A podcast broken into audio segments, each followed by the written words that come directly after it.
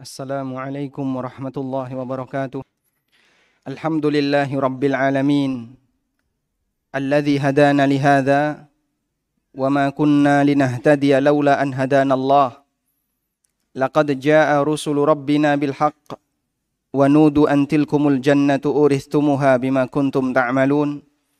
وأشهد أن لا إله إلا الله وحده لا شريك له. وأشهد أن محمدا عبده ورسوله. salawatu rabbi wa salamu alaihi wa ala alihi wa ashabihi wa man sara ala nahjihi wa stanna bi sunnatihi ila yaumiddin. Alhamdulillah puji syukur kita haturkan kehadirat Allah Azza wa Jalla di kesempatan malam hari ini kita bisa berkumpul bersama dalam rangka untuk duduk di majelis ilmu menyambung amal ibadah dengan amal ibadah berikutnya Seusai kita sholat maghrib, kita berzikir, kemudian kita belajar, kemudian nanti akan disambung dengan sholat isya. Semoga ini bagian dari bentuk ar-ribat. Ribatul khair bil khair. Menyambung kebaikan dengan kebaikan. Rasulullah sallallahu alaihi wasallam bersabda, "Ala adullukum ala adullukum ala ma tamhu bihil khataya wa tarfa'u bihil darajat. Beliau sampaikan kepada para sahabat, maukah kutunjukkan kepada kalian amalan yang bisa menghapus dosa dan meningkatkan derajat? Para sahabat mengatakan, "Bala ya Rasulullah." Tentu ya Rasulullah. Kemudian beliau sallallahu alaihi wasallam bersabda, "Isbaghul wudu'i 'alal makarih wa kathratul khuta ilal masajid wa intidharus salati ba'da salah." Yang pertama adalah menyempurnakan wudhu meskipun dalam kondisi nggak nyaman. Barangkali ada gatel di tangan, ada yang luka di salah satu anggota wudhu, tapi kita tetap berusaha untuk menyempurnakannya. Wa kasratul khuta ilal masajid, jalan kaki menuju masjid. Wa intidharus salati ba'da salah, dan menunggu salat setelah salat. Yang dimaksud adalah kita salat qobliyah, atau salat tahiyatul masjid kemudian menunggu datangnya salat wajib. Nabi SAW kemudian di akhir hadis beliau mengatakan fadzalikumur ribat fadzalikumur ribat. Itu adalah ikatan-ikatan kebaikan. Sehingga ketika seorang muslim menyambung antara satu ketaatan dengan ketaatan yang lain dan dia menahan diri tidak melakukan aktivitas duniawi, tidak melakukan aktivitas yang sifatnya mubah, atau aktivitas yang tidak ada kaitannya dengan ibadah, tapi dia sambung antara satu ibadah dengan ibadah berikutnya. Ini disebut dengan istilah apa tadi? Ar-ribat, mengikat kebaikan dengan kebaikan yang lain. Dan kita berharap semoga kegiatan kita dengan melaksanakan kajian setelah maghrib sampai isya bagian dari ribat. Beda ketika orang keluar masjid. Suasana fisiknya beda dengan orang yang duduk di dalam masjid. Mohon maaf ya, nahan ngentut dalam hal ini bisa jadi bernilai pahala. Karena mungkin ketika kita keluar masjid, suasana badan kita dibuat plong gitu ya. Mau ngentut kapan pun bebas. Tapi ketika kita di dalam masjid, kita tahan diri biar nggak batal. Sehingga nanti bisa nyambung dari maghrib sampai isya. Dan walhamdulillah Allah Subhanahu wa taala berikan kita kesempatan untuk sadar mau belajar. Semoga kegiatan semacam ini terus kita lakukan istiqamah sampai akhir hayat. Tayyib. Ini dominan yang hadir adalah tulabul ma'had wa ba'dukum minal mujtama'at. Sebagian besar para santri ya. Kemudian yang lain adalah dari kaum muslimin warga sekitar. Marhaban bitullabil ilmi, selamat datang bagi para orang yang ingin belajar ilmu agama. Semoga Allah Subhanahu wa taala memberkahi setiap kegiatan kita. Allah Subhanahu wa taala berfirman, "Tatajafa junubuhum 'anil madaji'i yad'una rabbahum ragadan wa rahaba." Yad'una rabbahum khaufan wa tam'a wa mimma razaqnahum yunfikun. Lambung mereka jauh dari tempat tidur. Mereka isi dengan ibadah, khaufan wa tama'a. dipenuhi dengan rasa takut dan rasa harap. Anas bin Malik radhiyallahu anhu mengatakan, "Humul ladzina ya'budunallaha bainal maghribi wal isya." Mereka adalah orang yang beribadah kepada Allah antara maghrib sampai isya. Dan kita belajar belajar bersama di sini berharap semoga bagian dari itu. Tayyib. Jamaah dimulakan Allah Subhanahu wa taala, di kesempatan kali ini saya hanya akan menyampaikan sebuah kisah yang semoga kisah ini bisa semakin memotivasi kita untuk semakin rajin belajar dan serius belajar, terutama yang masih berusia muda, yang masih berusia sekolah, baik di usia mutawassithah, SMP, atau yang usia thanawiyah, yang SMA, atau yang di atasnya. Qala Ibnu Battal rahimahullah. Ibnu Battal menyampaikan sebuah kisah dalam syarah beliau untuk Sahih Bukhari. Syarah Ibnu Battal untuk Sahih Bukhari ini banyak dikutip oleh Al-Hafidh Ibnu Hajar dalam Fathul Bari. Sehingga syarah Ibnu Battal lebih dulu dibandingkan Fathul Bari. Ibnu Battal rahimahullah taala dalam syarah Sahih Bukhari pernah menyebutkan sebuah kisah yang kisah ini terjadi di masa Imam Malik bin Anas. Beliau mengatakan, "Wa fi fadlil ilmi atharun kathirah." Ada banyak sekali pengaruh baik ketika orang itu rajin dalam menuntut ilmu agama. Lalu kata beliau, wa min ahsaniha ma qalahu Yahya ibnu Yahya. Dan salah satu di antara kisah yang sangat istimewa adalah cerita yang pernah disampaikan oleh Imam Yahya bin Yahya. Imam Yahya bin Yahya termasuk di kalangan tabi' tabi'in dan beliau sezaman dengan Imam Malik. Qala beliau mengatakan, Awalu ma haddathani Malik bin Anas hina ataituhu taliban lama alhamani Allahu ilaihi fi awwal yaumin jalastu ilaihi. Pertama kali nasihat yang disampaikan oleh Imam Malik kepadaku ketika aku ingin belajar ilmu agama. Aku mendatangi beliau atas ilham yang diberikan oleh Allah kepadaku untuk menuntut ilmu agama. Pertama kali saat aku duduk di hadapan beliau, qala Imam Malik bertanya, "Mas muka, siapa namamu?" Qultu lahu, kemudian aku sampaikan, "Akramakallah, namaku Yahya." Namaku Yahya. Wa kuntu ahdatsu ashabi sinna. Dan ketika itu adalah aku santri yang paling muda. Di sini santri yang paling muda usia berapa? Ada yang kelahiran tahun 2000? Ada ya? 2005, kelahiran tahun 2005 ada? Masya Allah ya. Yang paling muda usia berapa Ustaz? 11 tahun. Masya Allah. Berarti kelahiran tahun 2010.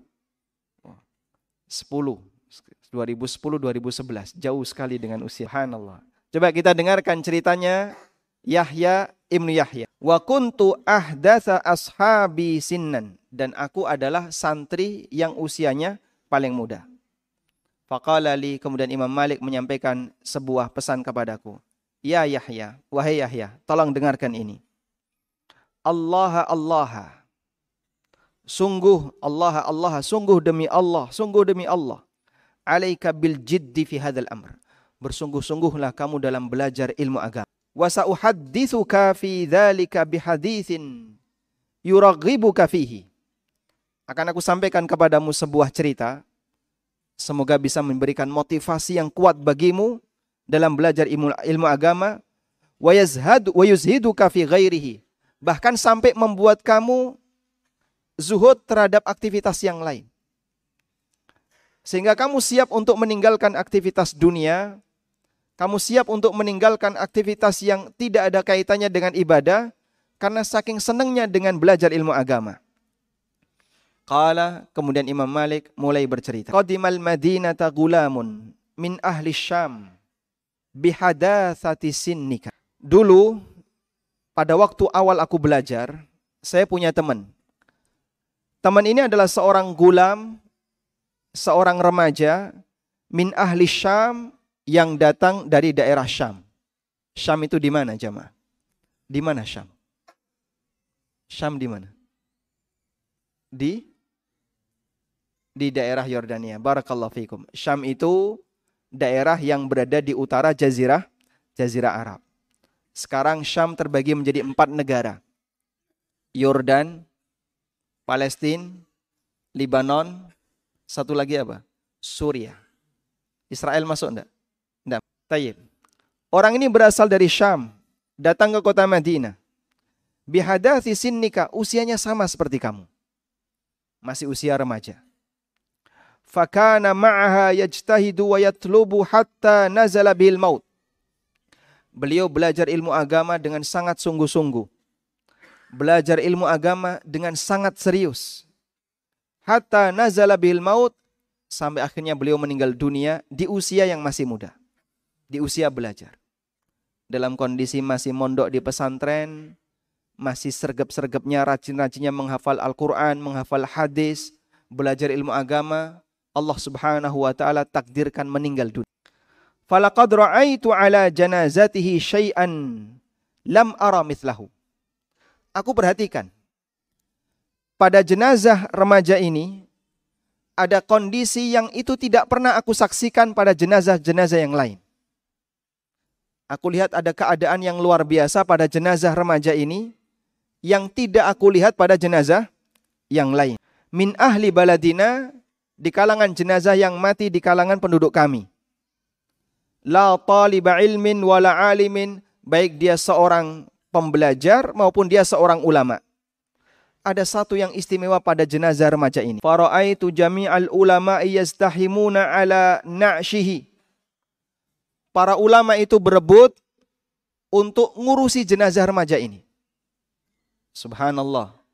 Sebuah kehormatan ketika jenazah seorang muslim itu ditangani oleh orang yang mengenal sunnah, ditangani oleh seorang ulama, sehingga seluruh penanganannya sesuai dengan sunnah Nabi Sallallahu Alaihi Wasallam.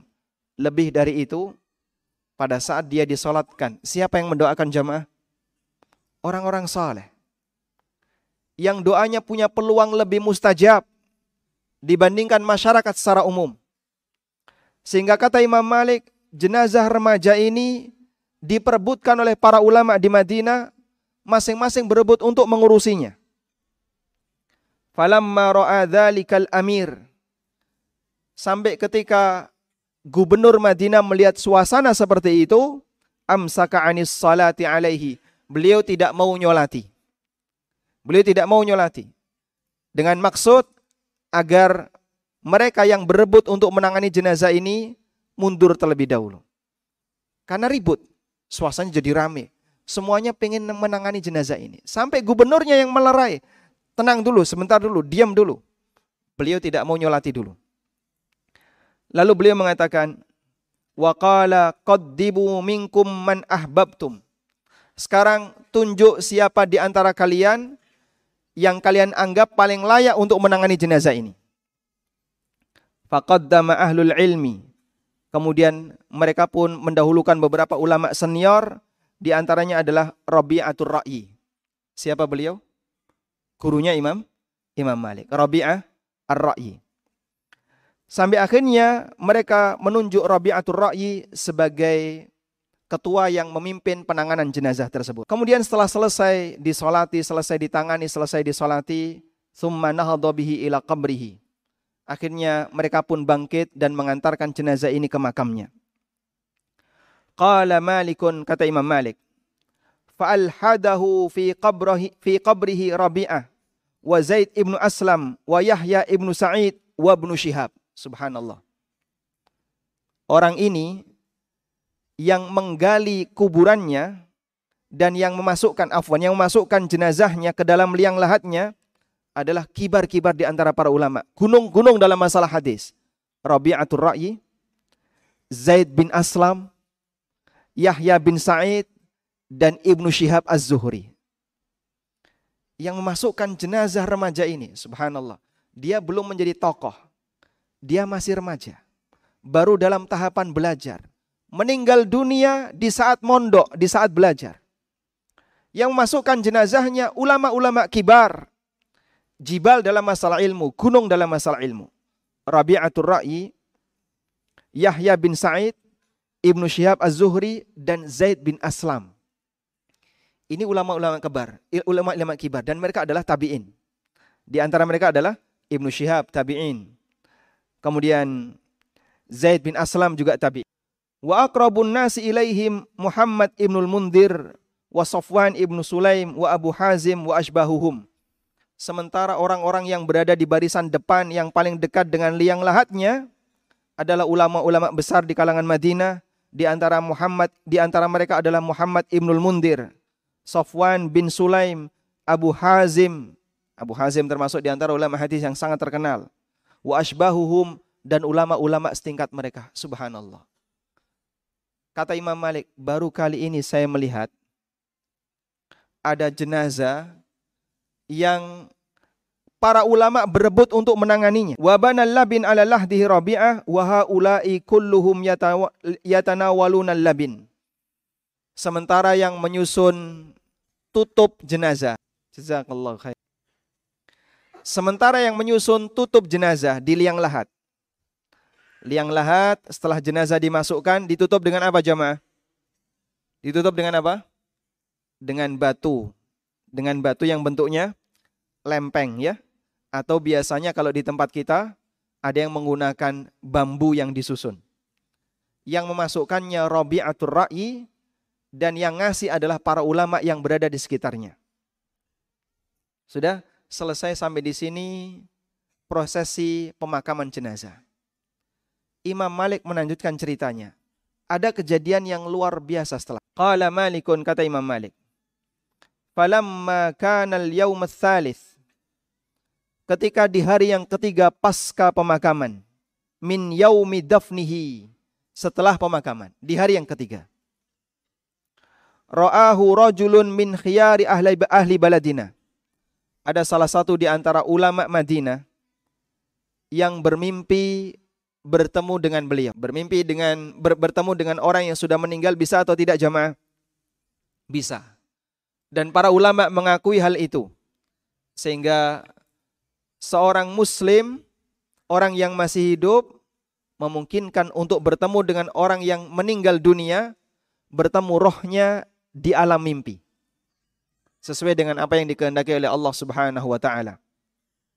Sebagaimana dulu pernah terjadi pada sebagian sahabat yang mereka yang sudah meninggal dunia bertemu dengan orang yang masih hidup tapi di alam di alam mimpi. Orang ini melihat pemuda tadi di alam mimpi. Fi ahsani surati gulamin. Dengan wajah yang sangat tampan menjadi seorang remaja yang sangat bagus untuk dilihat. Amrot dalam kondisi amrot. Tahu remaja amrot? Belum punya jenggot. Kumis belum tumbuh. Sehingga ketika kelihatan lebih mirip seperti wanita. Padahal dia seorang remaja laki-laki. Cakep untuk dipandang. Fi ahsani surati gulamin amrot. Dengan wajah yang sangat tampan, yang sangat cakep untuk dilihat alaihi bayadun. Dia memakai kain putih. Muta'ammimun bi'imamati khadra. Memakai imamah yang berwarna hijau. Insyaallah orang ini ketemu dengan pemuda tadi dalam posisi dandan. Menggunakan jubah warna putih pakaian warna putih dan menggunakan imamah berwarna hijau. Wa tahtahu farasun ashab. Dan dia menggunakan menunggangi kuda yang cepat. Nazilun minas sama turun dari langit Faka'annahu kana ya'tihi qasida. Seolah-olah dia sengaja ingin menjumpai orang ini ketika turun dari langit. Tapi ini di mana jemaah? Di alam mimpi. Dan ketika terjadi di alam mimpi, mungkin saja ada kejadian-kejadian aneh yang dilihat. Wa yusallimu alaihi, kemudian memberikan salam kepada orang yang dijumpainya ini. Seorang ulama yang dijumpainya ini yang melihat dalam dalam mimpi. Wa yaqul, Kemudian remaja ini mengatakan, "Hadza ballagani ilaihil ilmu."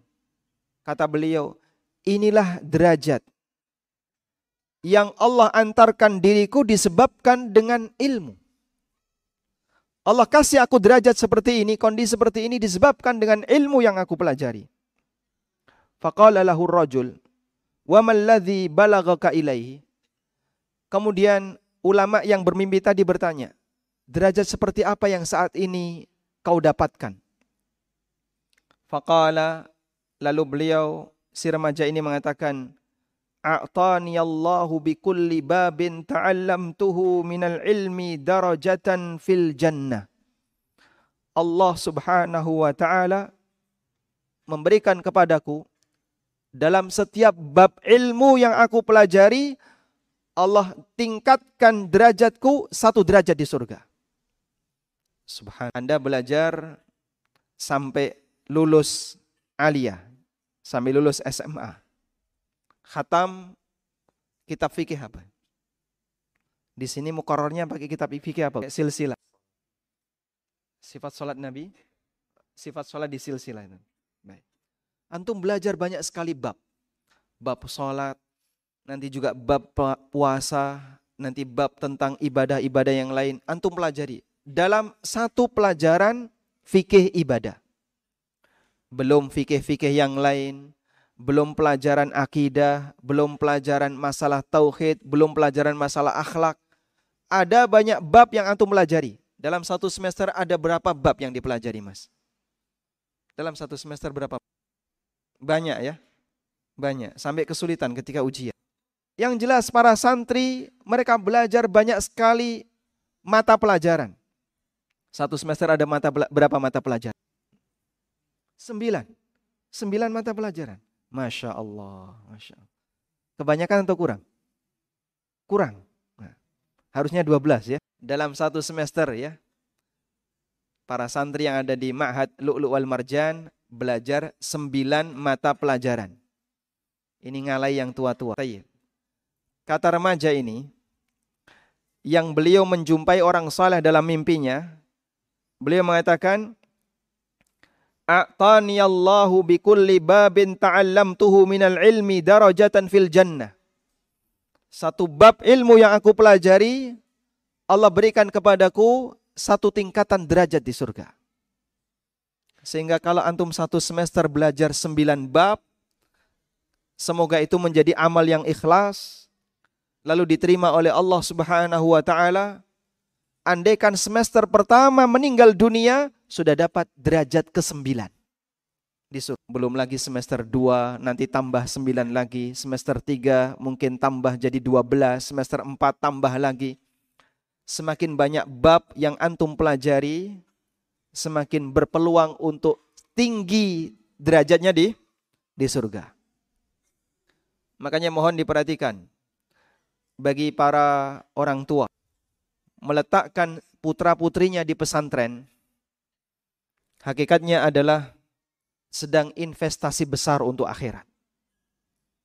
Allah Subhanahu wa taala akan memasukkan seorang hamba ketika di, di surga bersama dengan siapa? Keluarganya. Walladzina amanu wattaba'athum dzurriyyatuhum biimanin alhaqna bihim dzurriyyatahum wama alatnahum min amalihim min syai. Orang-orang yang beriman dan keluarganya, keturunannya juga turut beriman. Alhaqna bihim dzurriyyatahum. Maka nanti akan aku pertemukan mereka dengan anak keturunan mereka. Para ulama menjelaskan begini. Ketika seorang mukmin dimasukkan oleh Allah ke dalam surga, maka bagian dari kesempurnaan kebahagiaan yang Allah berikan kepada mereka, Allah kumpulkan mereka bersama keluarganya di mana? Di surga. Tapi Pak, yang namanya dalam satu keluarga itu kan tingkat takwanya berbeda. Ada yang lebih bertakwa, ada yang takwanya lebih rendah, ada yang kurang bertakwa dan seterusnya. Terkadang dalam satu keluarga ada bapak yang lebih bertakwa dibandingkan anaknya. Sebaliknya dalam satu keluarga ada anak yang lebih bertakwa dibandingkan bapaknya. Orang tua punya harapan besar kepada antum sekalian. Kalaupun antum ketika di dunia tidak bisa memberikan kebaktian maksimal tidak bisa mempersembahkan sesuatu yang bernilai bagi orang tua. Bapak mohon maaf, saya belum bisa memberikan biaya untuk Bapak agar bisa naik haji. Belum bisa memberikan hadiah berupa harta. Belum bisa memberikan hadiah apa pun untuk orang tuanya. Berikan hadiah kepada orang tuanya yang lebih istimewa dibandingkan itu. Hadiah apa jamaah? Semoga antum bisa menjadi sebab mereka semakin tinggi derajatnya di surga. Para ulama menjelaskan, bagaimana cara Allah menggabungkan mereka di surga. Padahal nilai ketakwaannya berbeda. Yang konsekuensinya berarti derajat mereka di surga berbeda. Ada yang lebih tinggi, ada yang lebih rendah. Ada dua kemungkinan. Kemungkinan yang pertama, Allah Subhanahu wa taala memanggil keluarga yang derajatnya lebih tinggi, misalnya ya. Ada anak yang derajat surganya lebih tinggi dibandingkan bapaknya. Anak ini Masya Allah, anak yang saleh. Rajin menghafal Al-Quran. Kelas 3 Thanawiyah sudah hafal 30 juz. Rajin tahajud. Kemudian dia dikasih oleh Allah Ta'ala derajat yang jauh lebih tinggi. Misalnya dia berada di derajat surga di tingkatan yang ke-10. Sementara bapaknya baca Quran belum lancar. Kadang juga belum rajin untuk beribadah. Ditaruh oleh Allah di surga nomor tiga misalnya. Terus bagaimana cara Allah mempertemukan? Ada dua kemungkinan. Kemungkinan yang pertama, Allah panggil anaknya, "Wahai anak, aku ingin mempertemukan kamu dengan bapakmu. Karena bapakmu ada di derajat surga nomor tiga, maka aku turunkan kamu ke surga nomor tiga. Agar kamu bertemu dengan bapakmu. Ini kemungkinan yang pertama.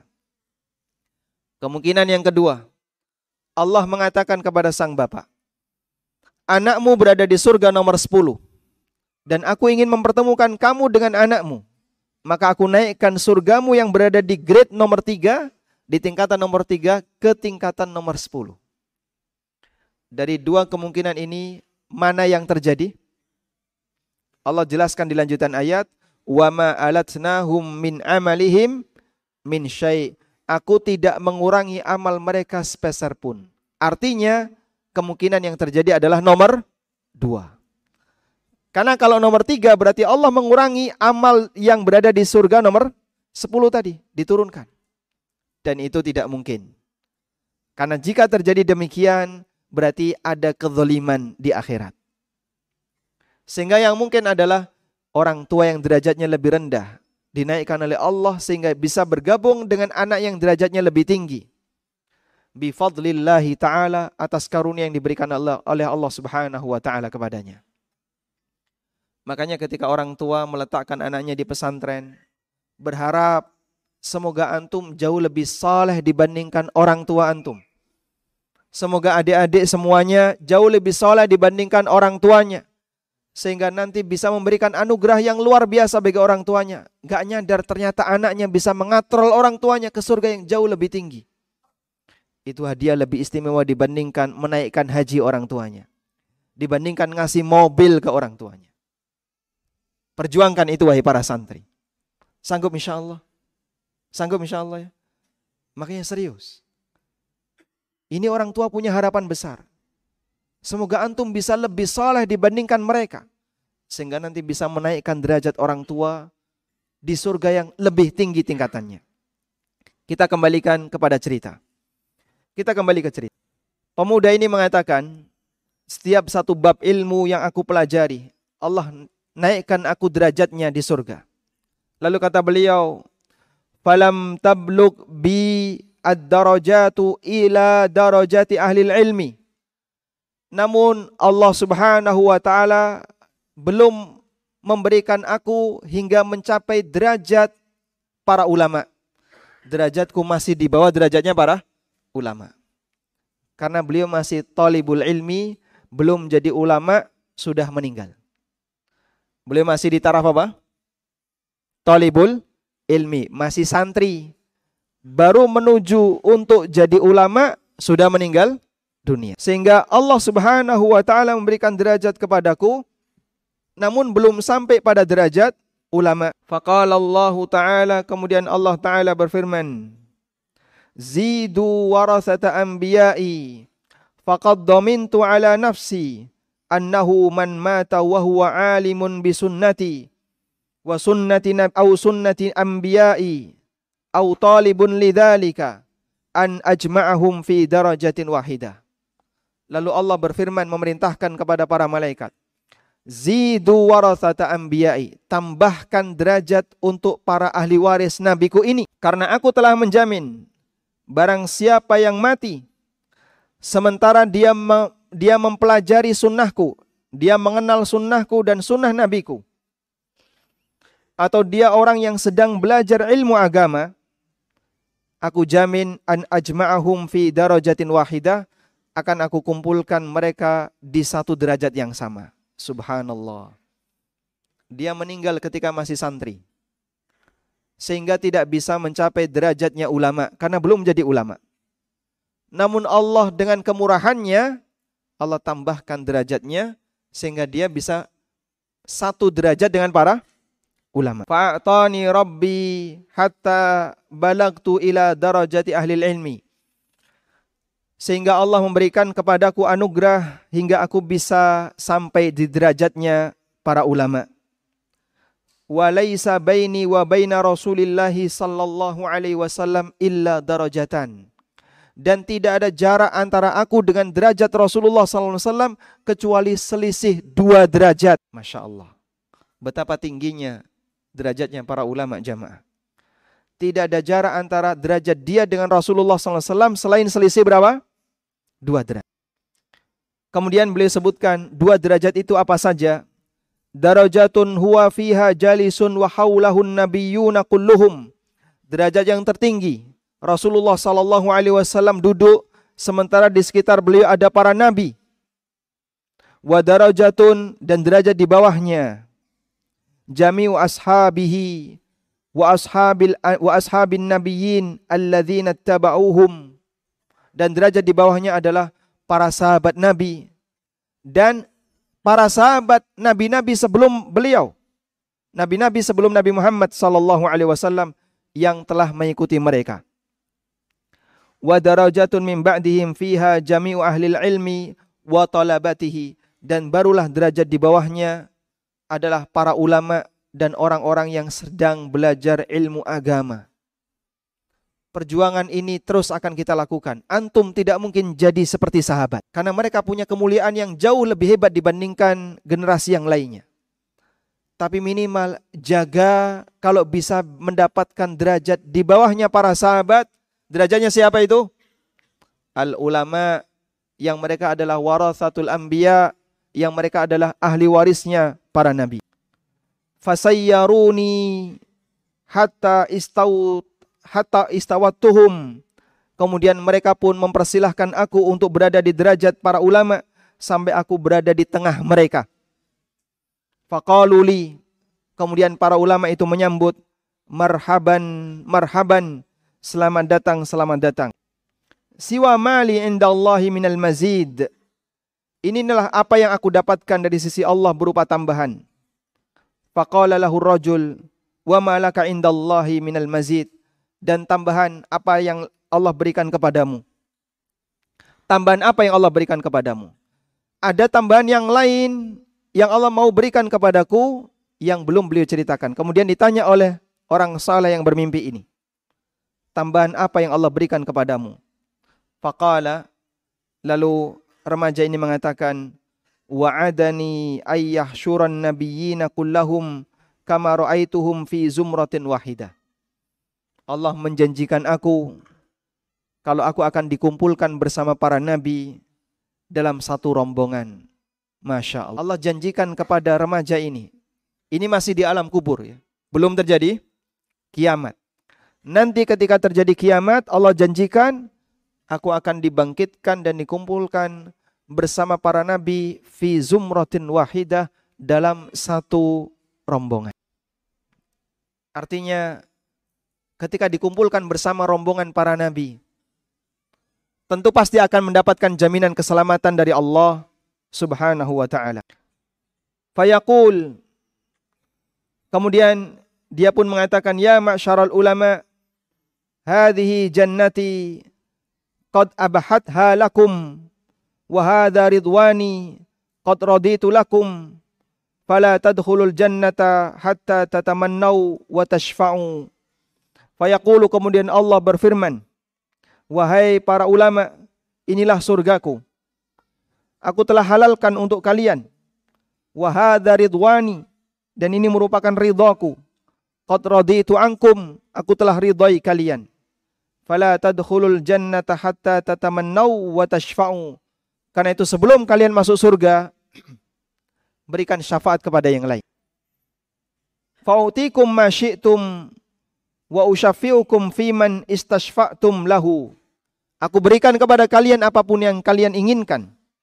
Dan aku berikan kesempatan bagi kalian untuk menyelamatkan siapa yang ingin kalian selamatkan. Liyara ibadi karamatakum alayya. Agar para hambaku bisa melihat keistimewaan kalian di hadapanku. Hadirin yang dimuliakan Allah Subhanahu wa taala. Bisa enggak Allah menyelamatkan hambanya tanpa melalui syafaat dari hamba yang lain? Bisa atau tidak jemaah? Bisa. Kenapa? Innahu ala kulli syai'in qadir wa huwa maliku yaumiddin. Karena Allah Maha Kuasa atas segala sesuatu dan Dia adalah raja di hari kiamat. Jadi begini.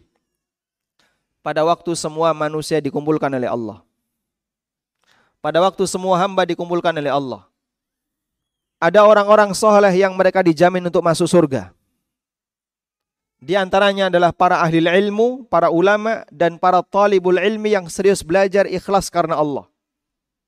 Allah kumpulkan mereka fi zumratil anbiya. Allah kumpulkan mereka bersama rombongan para nabi. Sebelum masuk surga Allah izinkan mereka untuk memberikan syafaat. Siapa yang ingin kalian selamatkan? Padahal Allah mampu untuk menyelamatkan para hambanya tanpa harus melalui syafaat mereka. Maka apa fungsi syafaat? Fungsi syafaat adalah untuk menunjukkan keistimewaan orang yang memberi syafaat.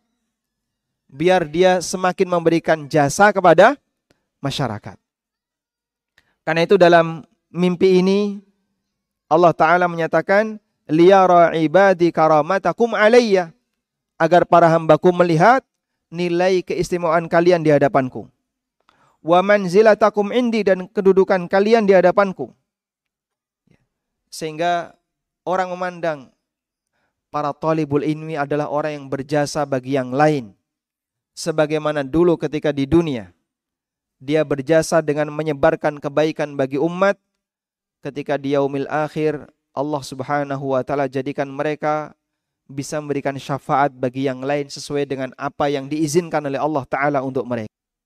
Sehingga jamaah yang dimulakan Allah Ta'ala, semangat seperti ini perlu untuk dijaga. Kalau kita ingin mendapatkan derajat yang tinggi di sisi Allah Subhanahu wa taala.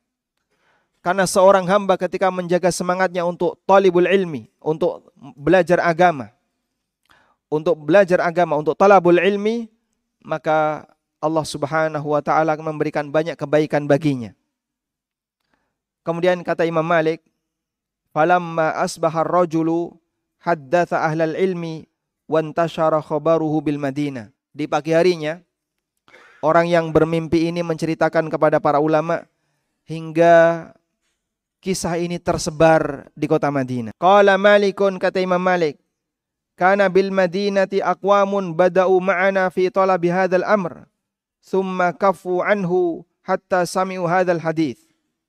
Dulu di Madinah ada beberapa orang yang belajar ilmu agama tapi dia mutung. Pengen keluar dari pondok, pengen meninggalkan majelis ilmu, nggak kuat dengan belajar ilmu, kok lama banget, sulit, sulit banget, susah untuk menghafalkan nahwu sorof, menghafalkan Al-Quran. Akhirnya dia mutung. Hatta sami'u hadal hadis sampai dia mendengar cerita ini. Falaqad raja'u ilaihi wa akhadhu bil hazmi lalu balik lagi untuk mondok dan semakin serius dalam dalam belajar. Barangkali ada di antara santri yang merasa berat. Apa pelajaran paling berat di pondok? Pelajaran paling berat di pondok apa? Paling berat apa Hanif? Matematika. Mungkin kita merasa berat dengan pelajaran nahwu sorof, Kita merasa berat dengan pelajaran menghafal Al-Quran, terutama yang menghafal. Memang karakter orang Indonesia, kekuatan hafalannya tidak sebagaimana mereka yang berada di Timur Tengah. Tapi seperti ini bisa dipaksakan. Kalau orang mau sungguh-sungguh. Maka semangati diri dengan membaca cerita, membaca kisah. Kata Imam Malik, orang yang mutung belajar tadi, yang dia mulai futur, gak mau belajar, gak mau serius belajar, begitu mendengar cerita ini langsung balik lagi dan semakin serius belajar. Wahumul yauma min ulama ibaladina dan sekarang mereka jadi ulama. Sehingga tidak heran barangkali ada di antara santri yang mungkin sudah mulai lemas belajar. Ingat baik-baik cerita ini.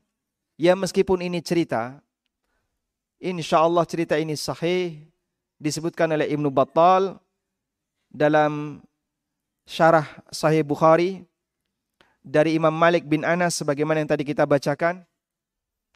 Semoga bisa jadi motivasi. Dan mimpi yang saleh yang dialami oleh orang yang saleh ini bukan ngarang dan bisa jadi sebuah realita Allah tampakkan dalam mimpi. Sehingga sebagai bentuk motivasi bagi para hambanya.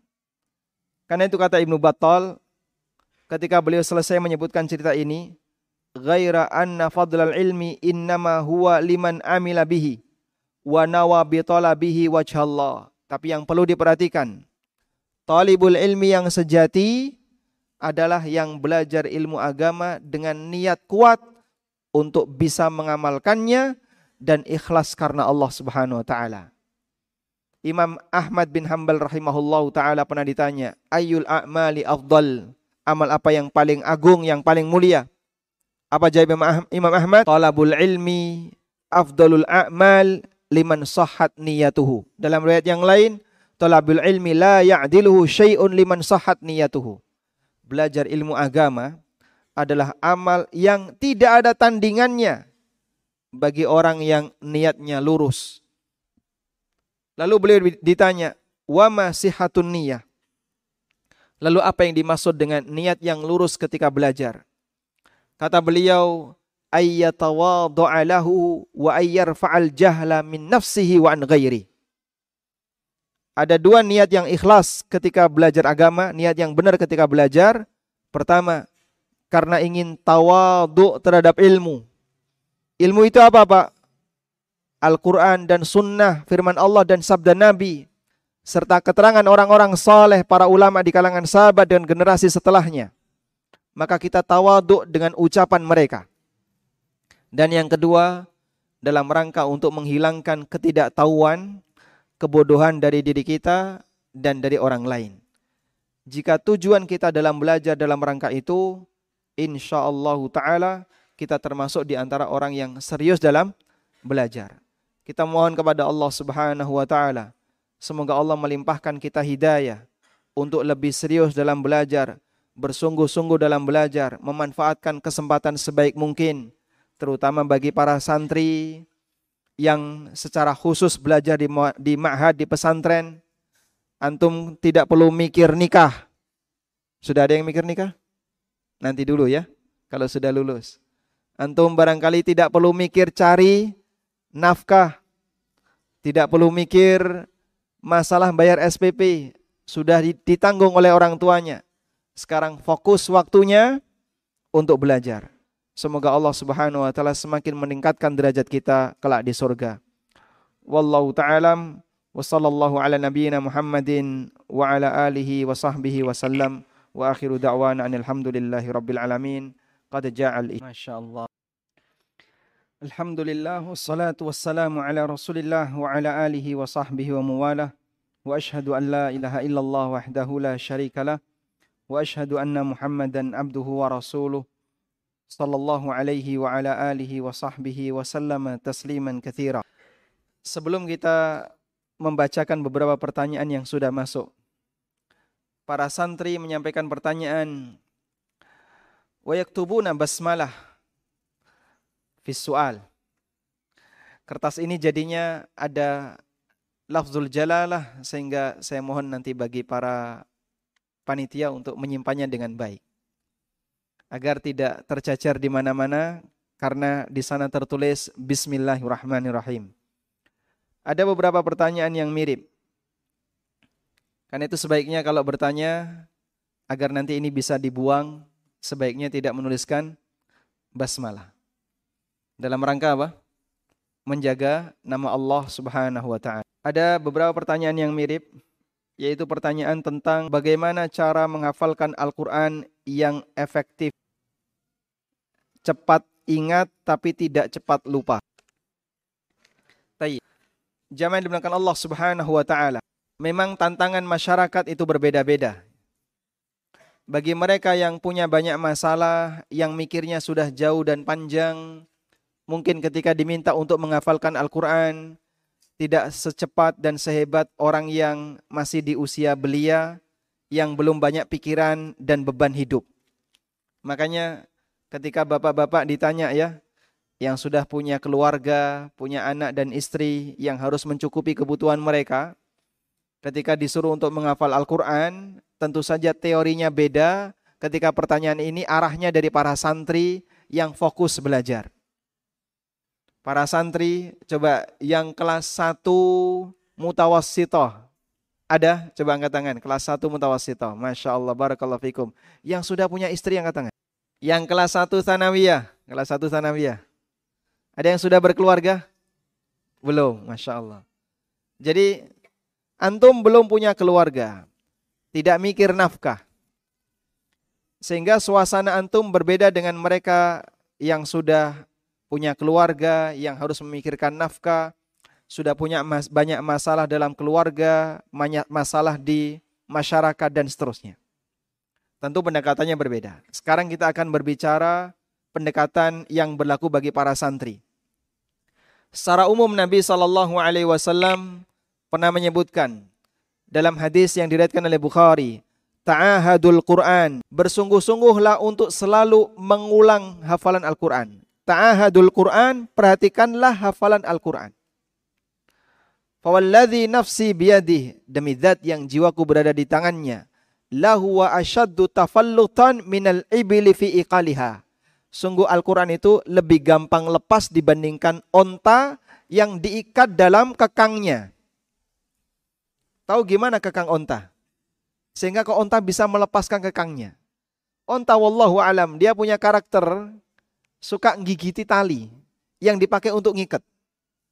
Sehingga kalau pemiliknya tidak sering nilii, nilii bahasa Indonesia, tidak sering ngecek, ya, nggak sering memperhatikan, kemudian diikat ulang, maka lama-kelamaan akan lepas. Karena ikatan onta itu talinya tali hidup. Tahu tali hidup? Ikut pramuka ya. Di sini pramuka atau HW? Hah? HW atau pramuka? Ada tali mati, ada tali hidup. Tahu tali hidup? Yang tinggal ditarik, lepas. Sama sebagaimana di masyarakat kita, sapi itu pakai tali hidup. Karena kalau pakai tali mati, sapi itu kan narik-narik. Sehingga kalau semakin kalau dibuat tali mati, dia akan ketarik semakin kencang, susah untuk dilepas. Padahal sapi ini kalau pagi dikeluarin, kalau malam dimasukkan ke kandang, makanya talinya dibuat tali hidup. Onta juga seperti itu. Tapi karakter onta, dia suka gigiti tali ini. Nah, tali hidup kan seperti ini ya. Ditekuk gini, kemudian apa? Ada yang ngikat. Nah, ketika panjangnya itu ditarik, dia akan lepas. Onta seperti itu. Ini Syekh Abdul Razak menggambarkan tentang talinya onta itu dibuat tali hidup sehingga ontanya bisa narik. Kalau nggak sering untuk diperhatikan oleh pemiliknya, nggak sering dicek, maka dia akan lepas. Kata Rasulullah SAW, Quran lebih gampang lepas dibandingkan onta yang diikat. Makanya perlu untuk diapakan jemaah? Sering dikunjungi hafalannya. Mengunjungi hafalan itu dengan cara apa? Dengan cara muraja. Sehingga perjuangan para ulama di masa silam yang mereka sudah punya hafalan, mereka muraja hafalan. Bukan karena kemudian mereka sudah punya hafalan lalu dibiarkan, kemudian mereka bertahan, Allah kasih karomah kepadanya, bukan. Tapi mereka menjaga itu. Dan itu bagian dari amanah yang selalu mereka pertahankan. Abu Hurairah radhiallahu anhu yang menghafal sekitar 5000 hadis radhiyallahu anhu. Beliau tidak biarkan hadis itu berlalu begitu saja sehingga dalam waktu semalam Abu Hurairah membagi malamnya dengan sepertiga untuk murojaah, sepertiga untuk ibadah, sepertiga bersama keluarganya. Gak bakalan tidur kalau belum selesai murojaah. Itulah perjuangan yang dilakukan oleh para ulama. Sehingga kalau antum bisa menjaga seperti ini, gak bakalan tidur sampai tadarusnya hingga selesai target. Pokoknya sehari minimal dalam waktu malam satu juz. Atau sekian juz. Murojaah hafalan. Biar gak hilang. Itu secara umum yang diajarkan Nabi SAW. Dan murojaah yang paling bagus itu dilakukan sambil sholat. Qiyamul lail kalau sanggup. Kalau nggak sanggup selesai isya. Pelajaran terakhir sampai jam berapa? Pelajaran terakhir sampai jam berapa? Sampai jam 8. Misalnya sampai jam 8 malam. Di atas jam 8, jam 8 malam boleh belajar sendiri-sendiri. Antum sholat sunnah dua rakaat atau sholat witir sebelum tidur sambil membaca hafalan yang telah didapatkan. Murojaah. Itu bisa lebih menancap dalam batin. Kemudian, mengenai waktu menghafal, sebenarnya tidak ada batasan khusus. Namun Nabi Shallallahu Alaihi Wasallam mendoakan keberkahan di waktu kapan jemaah? Di waktu pagi. Allahumma barik ummati fi bukuriha. Ya Allah berkailah umatku di waktu paginya. Makanya belajar di waktu pagi hasilnya akan berbeda dengan mereka yang belajar di waktu yang lain. Manfaatkan di waktu pagi untuk menghafal baik dengan cara menambah atau mengulang. Sudah? Kemudian Rasulullah sallallahu alaihi wasallam juga mengatakan, Ista'inu billah, ista'inu bil ghadwati warrauhah wa syai'im minad duljah. Gunakan sebaik mungkin waktu pagi dan sore. Sehingga termasuk di antara waktu yang baik untuk kegiatan amal soleh adalah waktu sore. Wa syai'im minal duljah dan sebagian waktu di malam hari. Maka antum bisa gunakan waktu sore bisa untuk murojaah maupun menambah hafalan. Wa ala kullin kesimpulannya dalam masalah waktu kembali kepada masing-masing santri dan individu. Ada yang dia maksimal ketika waktu pagi, ada yang maksimal ketika waktu duha, ada yang maksimal ketika waktu sore, terserah. Yang penting silahkan mengambil sebagian porsi waktu itu untuk memurojaah hafalan. Selanjutnya, kemampuan manusia diletakkan oleh Allah dalam belajar, diletakkan oleh Allah pada dua indera. Sami dan basir. Indera pendengaran dan indera penglihatan. Allah subhanahu wa ta'ala jadikan manusia bisa mendengar dan melihat sehingga ilmu masuk kepadanya. Allah Ta'ala berfirman, Hal ata alal insani hinum minad dahri lam yakun syai'am madhkura. Inna khalaqnal insana min nutfatin amsyajin faja'alnahu faja'alnahu sami'am basira. Kenapa Allah sebut manusia aku jadikan sami'an basira? Karena dua indera ini adalah sumber bagi mereka untuk bisa mendapatkan ilmu. Sudah? Maka dalam belajar ilmu, kalau dua ini bisa berfungsi sekaligus, biasanya lebih maksimal. Sudah? Antum buka mushaf, murojaah atau menambah hafalan, kalau bisa sambil bersuara, sehingga telinga juga mendengar apa yang antum baca. Mata memotret, telinga mendengar. Sehingga kita gunakan as-sam' wal basar, pendengaran dan penglihatan, dua-duanya berfungsi untuk menangkap ilmu. Itu lebih maksimal dibandingkan hanya melihat saja atau mendengar saja. Meskipun kadang ada yang lebih dominan. Saya lebih dominan kalau mendengar. Saya lebih dominan kalau melihat. Masing-masing orang berbeda. Tapi dua-duanya kalau difungsikan akan menghasilkan yang lebih maksimal. dan jangan ganti-ganti mus mushaf. Gunakan satu mushaf dari mulai masuk lu'lu' wal marjan sampai sampai tua. Bila perlu. Sehingga tetap terjaga. Selalu yang dipandang adalah mushaf itu. Terus yang dipandang adalah mushaf itu. Sampai lecek nggak apa-apa. Tapi ini dalam rangka untuk menjaga hafalan. Karena mata ini punya potensi memotret. Jika antum terlalu sering gonta-ganti, nanti tidak bisa maksimal. Wallahu alam. Itu beberapa teori secara umum yang bisa kita manfaatkan untuk menghafal Al-Quran. Dan dari itu semuanya yang terpenting adalah kesungguhan. Sehingga bapak-bapak yang usianya sudah 30 ke atas, 40 ke atas, bisa nggak punya peluang yang sama untuk bersaing dengan para santri? Bisa, asal sungguh-sungguh. Banyak kisah para ulama yang mereka belajar di waktu tua, dan Allah Subhanahu wa taala berikan limpahan hidayah baginya sehingga Allah mudahkan bagi dia untuk menghafal Al-Qur'an meskipun sudah lanjut usia. Walhamdulillah. Kemudian di sini ada beberapa pertanyaan yang semisal. Assalamualaikum Waalaikumsalam.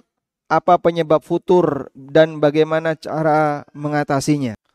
Futur yang terjadi pada tulabul ilmi umumnya disebabkan karena pengaruh lingkungan. Sekarang lingkungan itu tidak hanya orang tua, tidak hanya teman, tidak hanya masyarakat di sekitar. Lingkungan yang paling banyak memberikan pengaruh untuk zaman saat ini adalah HP. Orang Masya Allah bisa mengakses apa pun dengan HP-nya. Sehingga kadang yang bisa memberikan pengaruh lebih kuat itu HP. Makanya tolong diperhatikan para santri. Mungkin ketika di pesantren, antum sama sekali tidak pernah bersentuhan dengan HP. Kelas 3 sanawiyah, boleh pegang HP? Tidak boleh. Sampai lulus. Yang musyrif, yang pengabdian khidmah. Maafi khidmah. Masya Allah. Sehingga yang masih berada di sini nggak boleh pegang HP. Antum bisa lebih fokus untuk belajar. Nanti ketika sampai di rumah, Nah, ini ujian bagi para santri. Ada santri yang dia menjaga semangatnya untuk belajar sehingga dia tetap murojaah di rumah. Dan ada santri yang ingin berteman dengan YouTube. Ya. Akhirnya sehari-hari buka HP. Mungkin orang tuanya merasa kasihan. Ini selama bertahun-tahun gak pegang HP, lihat HP dikiranya mendoan. Sehingga senang banget sama HP. Main terus dengan HP. Masya Allah, ini yang bisa menyebabkan futur. Maka kalaupun antum di rumah megang HP, tolong jangan lupa ketika buka YouTube, akses terus kanal Lu'lu wal Marjan. Ada channelnya nggak? Ada, Masya Allah. Sehingga tetap upgrade ilmu kita belajari dari dari YouTube. Dan kalaupun misalnya antum tidak pegang HP, insya Allah lebih baik. Dalam rangka untuk menjaga hafalan. Karena biasanya orang kalau sudah pegang HP, kadang nyasar ke mana-mana. Sebab iklannya banyak. Di Youtube kotoran lebih banyak dibandingkan yang hal-hal yang bermanfaat. Lebih baik kita menghindar daripada banyak bersinggungan dengan sampah yang ada di di internet. Selanjutnya, hindari teman-teman yang kurang baik.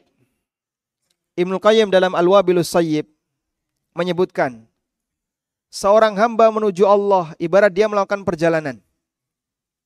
Gangguan dia adalah orang yang mengajaknya untuk berhenti ngobrol. Dan itu adalah teman-teman yang kurang baik. Mungkin bisa jadi ketika antum lurus pada saat belajar di pesantren. Bisa istiqomah.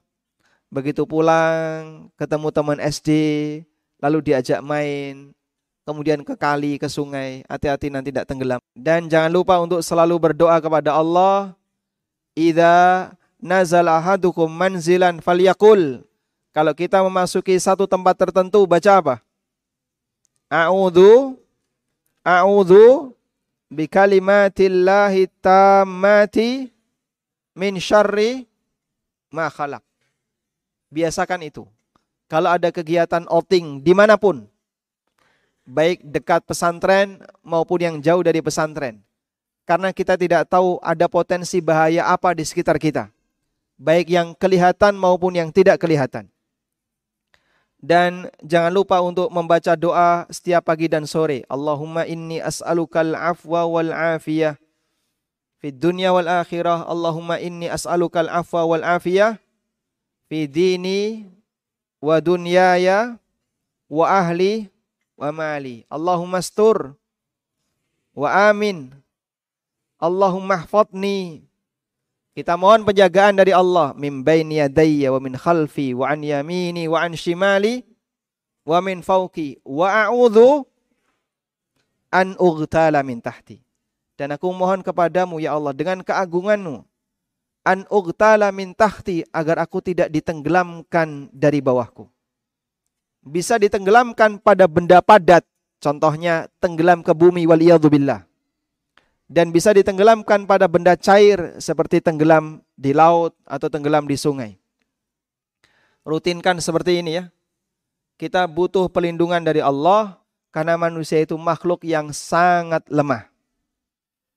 Tayyib, wallahu alam. Assalamualaikum warahmatullahi wabarakatuh. Waalaikumsalam warahmatullahi wabarakatuh. Bagaimana jika ada seorang santri yang menuntut ilmu di tempat yang di situ bid'ah merajalela? namun dia tidak mengetahui bahwa dia yang bahwa yang dia pelajari adalah salah, apakah derajatnya juga meningkat? Ketika ada seorang talibul ilmi yang dia misalnya hidup di lingkungan yang menyimpang dan tidak ada yang dia ketahui dari ilmu agama selain apa yang diajarkan oleh gurunya yang juga mengajarkan ilmu yang menyimpang misalnya sampai akhirnya dia dewasa. Apakah dia juga mendapatkan derajat yang sama? Jawabannya, jika ilmu yang dipelajari bukanlah ilmu dari Al-Quran dan Sunnah, maka tidak masuk dalam keutamaan ilmu sebagaimana yang disabdakan oleh Nabi Sallallahu Alaihi Wasallam. Karena ilmu yang di, yang mendapatkan keutamaan adalah sebagaimana yang disebutkan dalam hadis, majtama'a qaumun fi baitin min buyutillah. Apabila ada sekelompok orang yang dia berkumpul di salah satu rumah Allah. Yatluna kitab Allah. Yang dia baca apa? Yang dia baca apa? Kitabullah. Wa yatadarasunahu bainahum dan mereka saling mengkajinya. Illa nazalat alaihimus sakinah wa ghasyiathumur rahmah wa haffathumul malaika wa dzakarahumullahu fi man indah maka Allah akan berikan empat keistimewaan turun ketenangan kepada mereka Makanya dalam kajian-kajian yang membahas serius isinya Al-Quran dan Sunnah, kenapa banyak jamaah yang ngantuk? Karena turun ketenangan kepada mereka. Betul? Tolong yang ngantuk itu bagian dari ketenangan di majelis ilmu. Wa humur rahmah yang kedua diliputi dengan rahmat. Keutamaan ini didapatkan ketika yang dipelajari adalah kitabullah dan sunnah nabinya sallallahu alaihi wasallam. Wallahu alam. Namun kalau dilihat dari apakah dia berdosa ataukah tidak, kembali kepada apakah dia sudah mengetahui kebenaran ataukah tidak. Sehingga kalau dalam hatinya dia melihat ini ada banyak kejanggalan dari yang diajarkan oleh gurunya. Misalnya gurunya mengajarkan ilmu kanuragan di pondok tapi diajari apa? Ilmu kanuragan. Padahal itu apa? Ilmu sihir bagaimana cara untuk biar bisa ngilang, biar kebal. Mondok tapi diajari seperti itu. Lalu muncul dalam perasaannya, kayaknya kok saya nggak nyaman. Ini pasti ada yang bermasalah. Tapi dia tetap bertahan, berarti telah datang hidayah kepadanya. Tapi dia fastahabbul ama alal huda. Lebih milih kegelapan, lebih milih kebutaan daripada hidayah. Namun kalau dia sama sekali tidak tahu, maka orang yang tidak mengetahui ini bagian dari uzur yang berlaku baginya. Wallahu a'lam. Masya Allah. Ada pertanyaan tentang masalah saham, bursa efek. Ini mungkin nanti bisa disampaikan di kajian besok pagi ya, waktu duha. Atau kajian subuh. Assalamualaikum waalaikumsalam warahmatullah. Apakah jerawat termasuk penyakit pengampun dosa? Apa yang membuat antum takut pakai jerawat? Nanti nggak laku Ustaz. Ya. Rasulullah sallallahu alaihi wasallam menyebutkan, "Ma yusibul muslima min nasabin wala wasabin wala hammin wala ghammin wala wala ghammin wala hammin hatta syaukata yushakuha illa kaffarallahu bihi khatayahu. Apabila seorang muslim mengalami sakit, mengalami kelelahan, bingung, resah, sedih, sampai duri yang nancap di kakinya, duri yang nancap di badannya, illa kafarallahu bihi khatayahu, kecuali Allah akan jadikan itu sebagai kafarah dosanya. Namun dengan satu ketentuan, dengan satu ketentuan, ketika dia mengalami situasi yang nggak nyaman, sakit jerawat, sakit panu, sakit apalagi gudiken ya. dan aneka penyakit yang melekat pada dirinya. Lalu dia ketika mengalami itu ihtasaba Allah. Dia mengharapkan pahala dari Allah, itulah yang bernilai pahala. Tapi kalau tidak tidak ada ihtisab, maka tidak ada bedanya antara muslim dengan non muslim. Allah taala berfirman, In takunu ta'lamuna fa innahum ya'lamuna kama ta'lamun. Kalau kalian mengalami sakit, mereka orang non-muslim juga sakit sebagaimana kalian. Tapi ada satu yang beda. Wa tarjuna minallahi ma la yarjun. Kalian punya harapan di sisi Allah yang mereka tidak memilikinya. Maka kata kunci setiap kondisi nggak nyaman termasuk jerawat yang ada pada muka kita jika kita ikhtisab Allah berada pahala dari Allah, insya Allah di situ yang bernilai pahala dan bisa menghapus dosa. Wallahu taala alam wa sallallahu ala nabiyyina Muhammadin wa ala alihi wa sahbihi wa sallam wa akhiru da'wana anil hamdulillahi rabbil alamin. Subhanakallahumma wa bihamdika asyhadu an la ilaha illa anta astaghfiruka wa atubu ilaik. Wassalamualaikum warahmatullahi wabarakatuh.